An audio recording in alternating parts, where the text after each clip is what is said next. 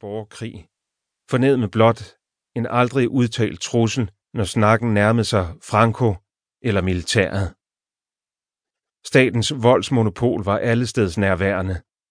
Første gang jeg så en maskinpistol var i den spanske lufthavn, da vi ankom til landet. Mine forældre fortalte mig, at det var normalt på de brede grader, men jeg kunne mærke, hvor meget det gik min mor på. Senere spurgte jeg min far, hvad han kendte til landets historie. Han fortalte mig, at de spanske frihedskæmper havde været helte, men det var lang tid siden, og nu var det Franco, der bestemte. Jeg havde en fornemmelse af, at min fars hovedkilde til viden om krigen var Papa Hemingway, en bog, der stod på boghylden hjemme hos os. Forsiden på den viste et foto af Ernest Hemingway i maskulin positur.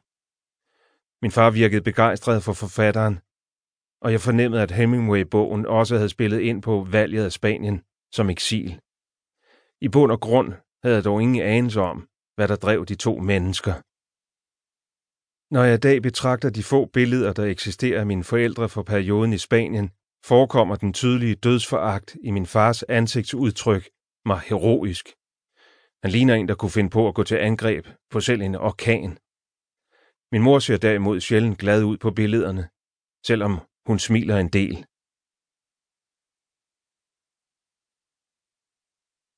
Smal film Ejgil, min far, nærede ingen ønske om at få børn. Da han fik en søn, kom han dog til at elske ham. Det sker. Jeg har set en smal film med ham, hvor han ser både glad og stolt ud, mens han vifter rundt med den lille nyfødte. Han virker sikker i sit kropssprog, på trods af de store armbevægelser. Optagelsen stammer fra familiemiddagen efter min dåb, og gennem hele forløbet smiler alle på den måde, mennesker smiler, når de ved, der bliver taget billeder af dem. I 1963 var et smalfilmskamera en luksus, og det at blive filmet i sig selv var en særlig oplevelse. Jeg var ene barn og nedstammer på min fars side fra en lang række drengebørn uden søskende.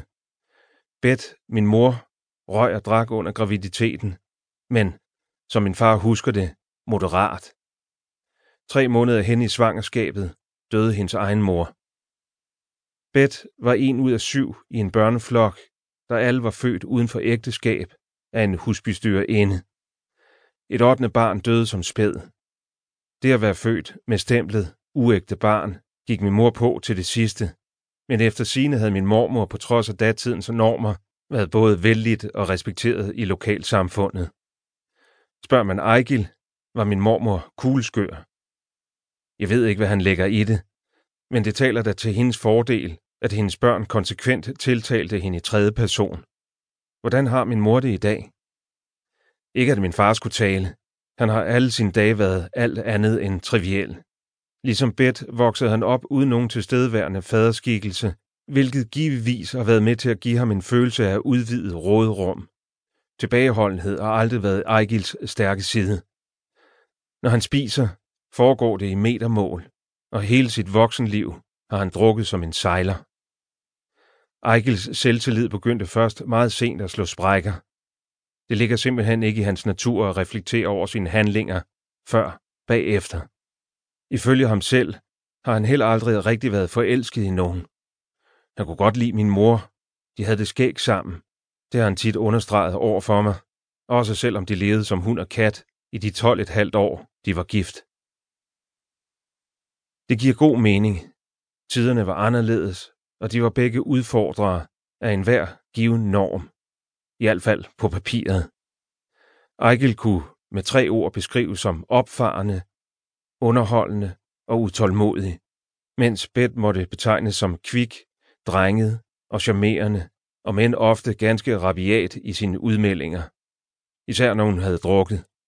Hun opfattede i bund og grund de fleste mennesker som socialt tilpassede hyklere, men beskrev samtidig sig selv som en distanceblænder. Hendes favoritroman var Martin A. Hansens Løgneren.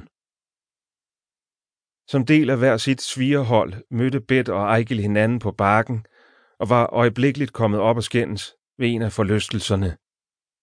Senere på aftenen støttede de ind i hinanden igen på vejen hjem i toget, hvor de med ufortrøden iver og resten af selskabet som vidner havde genoptaget deres uenigheder.